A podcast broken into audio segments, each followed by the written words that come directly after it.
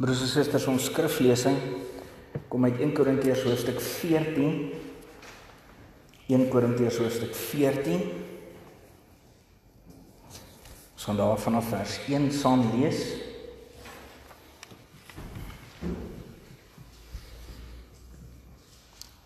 Gaan nou snaaks klink as ek dit so sê, maar jy moet dit in gedagte hou en by die huis daar nou na gaan kyk dat dat 1 Korintiërs 14 volg op 1 Korintiërs 12 en 1 Korintiërs 13. En as ek dit nou sê, dan bedoel ek dit nou. Ehm um, want hulle al drie die hoofstukke het met mekaar te doen. Al drie die hoofstukke handel oor die gawes, gawes van die Gees. Vandag is Pinkster Sondag en ook dan nou Pinksterfees. En daarom ook dan nou 1 Korintiërs 14 waaruit ons ook ons saam kan lees. Kom ons buig net ons hoofde en bid saam.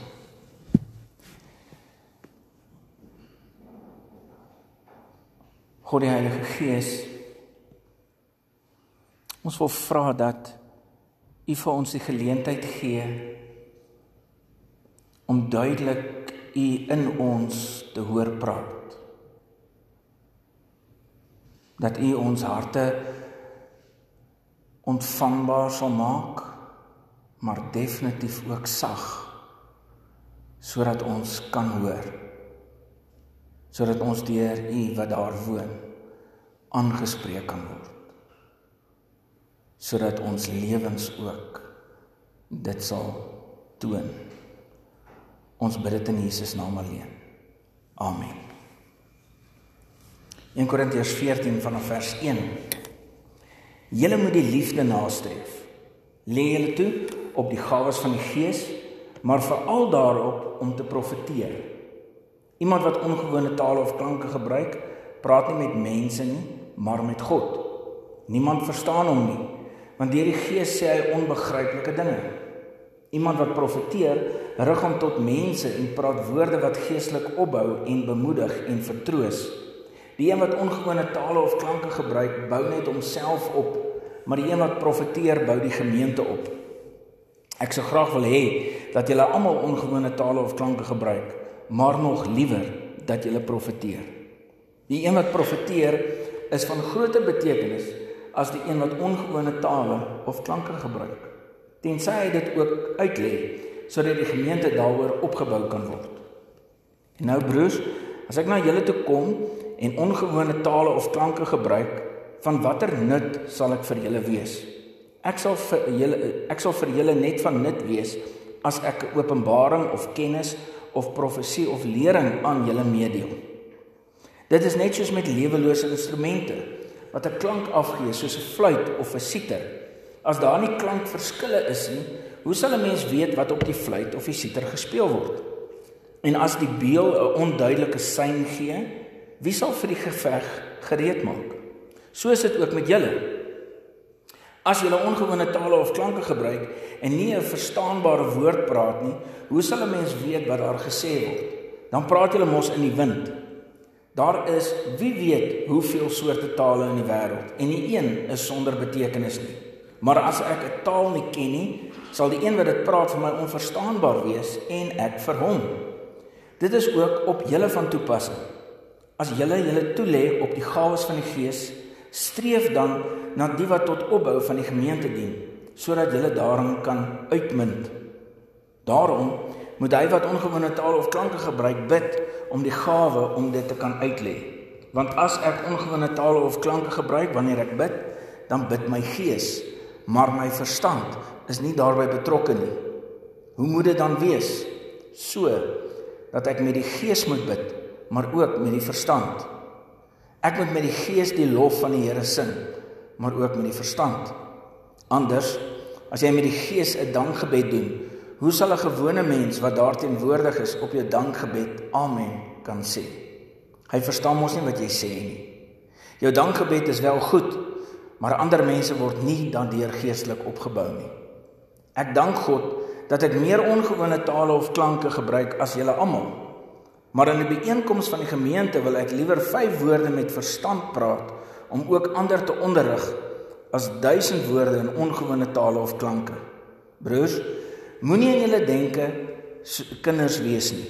Wees onvolwasse in die slegte dinge, maar in julle denke volwasse. In die wet staan daar geskrywe dat die Here sê: "Deur anderstaliges en deur die mond van vreemde mense sal ek met hierdie volk praat, en selfs dan sal hulle nie na my luister nie." So is die gebruik van ongewone tale of klanke dan 'n teken vir ongelowiges en nie vir gelowiges nie. Daarteenoor is die profesie vir gelowiges en nie vir ongelowiges nie. As die hele gemeente dan bymekaar is en almal gebruik ongewone tale of klanke en daar kom buitestanders of ongelowiges binne, sal hulle nie vir julle uh, sê julle is van julle verstand af nie. Daarteenoor as almal profeteer en daar kom 'n ongelowige of buitestander binne, dan word hy deur almal in sy gewete aangespreek en kom hy tot selfondersoek. Die verborgde dinge van sy hart kom aan die lig en so kom hy daartoe om op sy knieë te val, God te aanbid en openlik te getuig: Waarlik, God is hier by julle. Broers en susters, 1 Korintiërs 13 ervaar ons mos gaan oor die liefde, maar dit is in die middel van die twee hoofstukke wat primêr oor die gawes gaan. En daarom sê 1 Korintiërs 13 eintlik net dit gaan oor die gawes. Maar jy kan die wonderlikste gawes hê, maar as jy dit wat jy ook al doen met daai wonderlike gawes nie in liefde uitleef nie, dan beteken dit niks dan is dit 'n geraas. Jy kan met ander woorde wat ook al doen in die kerk. Maar as dit liefdeloos oorkom, trek jy met 'n rooi merkpen 'n streep deur alles wat jy en ek sê. Merk julle onderwysers nog met rooi. So dit sal seker nie ophou nie, né? Ja, ek ek ek kon nie spel nie. Ek kon mooi skryf, maar kon nie spel nie. So ehm um, dit het altyd soos bloedrivier gelyk as as my goed gemerk is met my spelfoute en dis meer. Maar is baie interessant dat hierdie wat ons ken as hoofstukke en verse is deur Masorete wat priesters was ingesit. Die skrifgedeeltes soos wat ons dit het, dit was mos eers maar net briewe gewees of verhale gewees wat neergeskryf is en die Masorete het besluit, maar hier deel ons die hoofstukke nou in. Met 'n kerkvergadering het hulle gesit en gesê, hier is hoofstuk dit, hier eindig hoofstuk 12, hier begin hoofstuk 14. En en hier kan ons sien en ek wil dit vir julle wys. As jy kyk na 1 Korintiërs 13 en hoe dit eindig, dan eindig dit met die liefde. Grootste hiervan is die liefde. En net die volgende vers, as jy nou jy sal indink en daar is nie 'n uh, eh, hoofstukke en skrif in verse nie. Net die volgende vers sê: "Julle moet die liefde nastreef." Dis hoe 1 Korintiërs 14 nou begin. Julle moet die liefde nastreef en dan lê julle toe op die gawes van die Gees, maar veral daarop om te profeteer. En dan word hier dwarsdeur hierdie hoofstuk 14 word daar duidelike onderskeid getref en en word spesifiek profesie en spreek in tale word gebruik teen mekaar. Om te sê die een is van groter belang as die ander een. Maar ook in ander gedeeltes word daar ook vir ons gesê dat dat julle julle ook moet toelê op die beste genadegawes. En daar's spesifieke paar redes daar rondom. Dit gaan oor dit wat die meeste van nut en opbou vir die gemeente is, verander is. En daarom maak Paulus hier dan ook in hierdie gedeelte die redenasie en die punt dat hy sê As jy ongewone tale of klanke gebruik, is dit eintlik net vir jouself tensy jy ook die gawe het om dit te kan uitlê en dit ook dan van nut tot ander kan wees. Maar anders is dit vir jou vir, vir tussen jou en God. Profesie moet ek en u ook nie sien soos wat ons dit gewoonlik maar sien en beleef nie. Ek kan nie onthou nie wat was die spesifieke profeet se naam en of dit die oom self was, maar ek dink die dorp was Deelswil gewees. En ek dit was so 15, 16 jaar terug. Toe is daar oom oorlede. Ek ek ek weet nie of die profeet Paul was en of die oom wat dood is Paul was nie. Onthou julle dit? En en toe het die profeet gesê die oom gaan na 'n paar dae opstaan uit die dood uit. Ek dink hy begin met 3 dae. En en toe het die oom nou nie. En toe was dit 'n week en ek weet nie daar was nog langer tyd gegee en die oom het nie opgestaan nie. Onlangs het daar ook 'n profeet wel iemand uit die dood uit laat opstaan, nogal uit 'n kus uit, 'n wit kus uit. Onthou julle dit? Dit was op die nuus. Ons het ons mors dood gegiggel daaroor, né? Nee, verskoon die woordspeling. Ons het gegiggel daaroor, want ons het gesê dit is nonsens, dis maar net 'n speletjie. Maar net net die ander kant in Deelswil het dieselfde ding afgespeel onder Afrikaners wat gedink het 'n profeet is iemand wat een of ander toekomstige ding voorspel. Elke nou en dan is daar ook 'n profeet wat sê die einde van die wêreld is op die 12de sis en so van hierdie jaar. Jy moet sien dan is dit verby. En dan is dit nie so nie. Dis nie wat 'n profeet is nie. En hier in hierdie gedeelte wil ek vanoggend vir julle deel wat 'n profeet is. 'n Profeet is wie ek en jy ook is. Ek en jy is aangestel as profete. Konings, priesters en profete.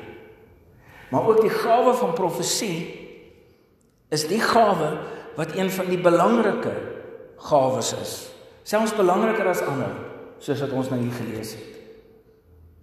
Maar wat beteken dit dan? Hoor wat sê hy. In vers 3 begin hy en dan so hier en daar dan wil ek dit vir julle uitlig. In vers 3 sê hy iemand wat wat profeteer rig hom tot mense. Is nie tot God nie. Is nie soos wat ons sing tot God nie. Profesie is praat nou met mense. Maar waaroor praat hy met mense? In vers 3 sien ons hy praat woorde wat geestelik opbou. 'n Profeet soos wat die Nuwe Testament vir jou en my leer, breek nie af nie. 'n Profeet bou op. 'n Profeet is iemand wat sien daar's iets wat stikkend is in iemand se lewe. En dan vertel 'n profeet nie nog meer hoe stikkend jou lewe is nie. Jy en ek weet 'n profeet bou dan op. 'n Profeet breek nie af nie. Nog steeds in vers 3 praat woorde wat bemoedig. En ook vertroos. In hierdie lewe En dit was ook waar destyds in die kerk in Korinte gewees, maar juis in hierdie lewe het ons mos mense nodig om ons te bemoedig en te vertroos. sien want ons is bang. Ons is bekommerd. Destyds hier in in Korinte in die kerk was die Christene meestal die armstes van die armes geweest. Ons almal kan onsself nie oor dieselfde kam skeer as die Christene van destyds nie. Hulle is vervolg. Daar's gedink hulle is besig met allerlei snaakse en bose goed. Daar's gedink dat hulle 'n sekte is. Dit het moeilik gegaan met die Christene van destyds. En ja, dalk kan ons ook sê dit gaan met ons moeilik. Daar kan ons ook sê, maar op hierdie ding en hierdie ding gaan dit nie baie goed met my nie. Maar die punt is dat ek en jy almal iemand ken met wie dit moeilik gaan. En dan word ek en jy geroep om met die gawe van profesie iemand te bemoedig en te troos. Hoor mooi. Daar's amper nie 'n belangriker gawe as dit nie. Ons dink daar's hoeveel gawes. Dit is ongelooflik en ons dink daar's wonderlike goed om mense gesond te maak. Met 'n wonderlike gawe wees. En ons sien dat predikante en pastore van reg oor die wêreld doen dit met sulke groot byeenkomste, dan maak hulle mense gesond. Maar ek sien nie daardie selfde predikante en pastore sien ek dit nie doen by die klinieke nie. Ek sien nie dat hulle by die hospitale is nie. As jy mos wonder waar ek nou baie siek mense kan kry om hulle gesond te maak. Dan is dit mos by die klinieke. Dan is dit mos by die hospitale. Ons gesondheidstelsel is 'n gemors. Ek dink enige iemand se gesondheidstelsel in die wêreld behalwe Frankryk en Kanada sin is 'n gemors. Dan kry jy baie predikante en pastore in Amerika wat in groot stadions mense bymekaar kry en hulle bid mense gesond. Maar daar is selfe ouens klim op hulle privaat vliegtuig en vlieg weer na die volgende groot stadion toe.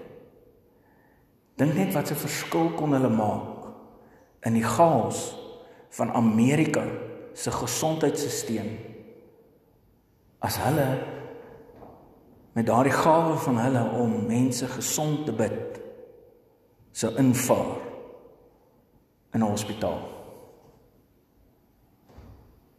Hoekom is hulle nie daar nie?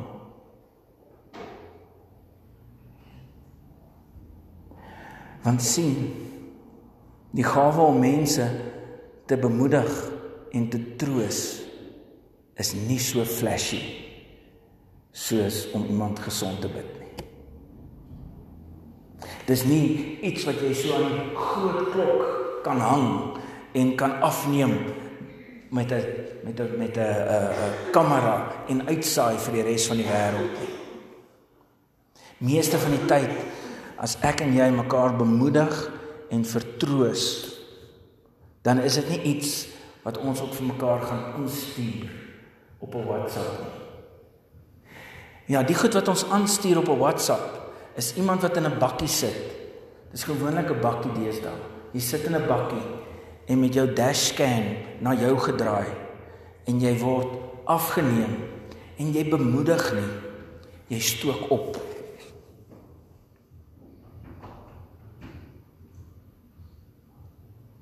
Meeste van die tyd is daai video's 'n opstokery.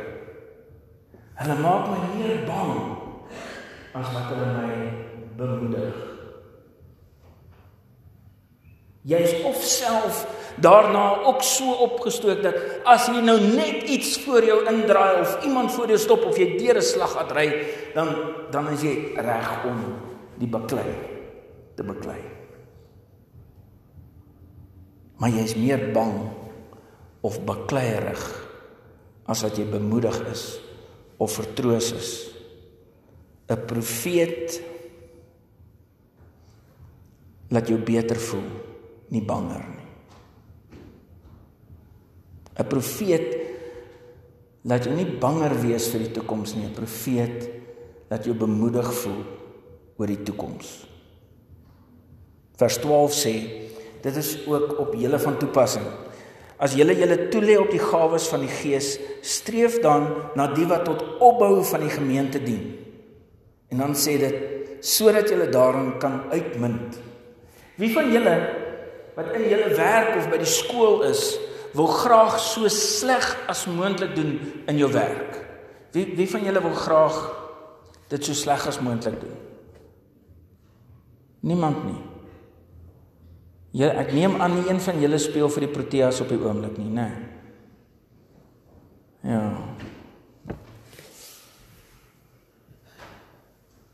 Wie sê hulle die Proteas het nog net een moeilike wedstryd om te verloor. Julle gesien, dis teen Afghanistan. Die ander gaan hulle maklik verloor. Ons as kinders van die Here werk presies dieselfde. Ons het nog net ons het eintlik maar nog net hier en daar moeilike plekke om duidelik soos kinders van die Here uit te staan. Op die ander plekke staan ons glad nie uit as kinders van die Here nie. Inteendeel, ons doen en late en hoe ons met mekaar praat en hoe ons as profete optree in hierdie wêreld lyk eintlik of ons profete van die duiwel is as profete van die Here. Of profete van my eie planne en my eie doen en late as profete van God.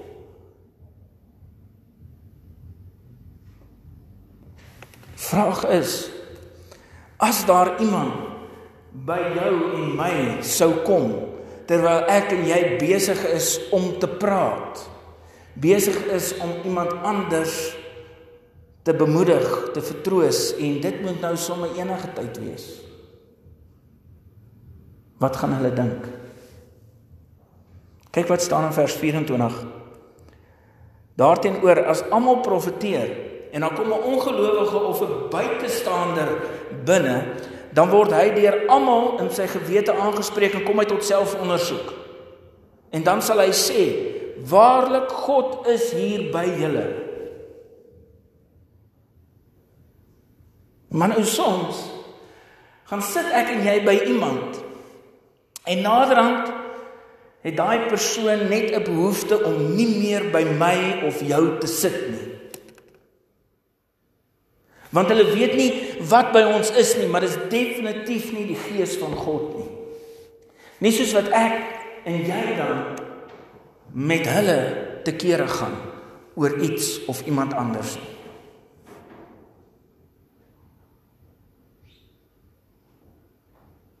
As jy en ek met iemand besig is of dit jou man of jou vrou is of jou kinders of jou ouers of wie ook al, die petroljog, die ouens wat gom snyf en sê hulle pas karre op hier in Koffiefontein of jou buurman of buurvrou kan hulle deur dit wat jy en ek met hulle praat sê waarlik God is hier by ons.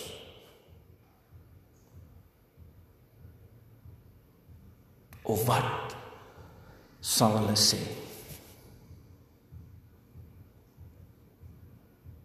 Ek en jy is profete wat gestuur is om ander te bemoedig, op te bou en te troos. En jy hoef nie ver te kyk om iemand te kry vir wie jy dit kan doen nie. Amen.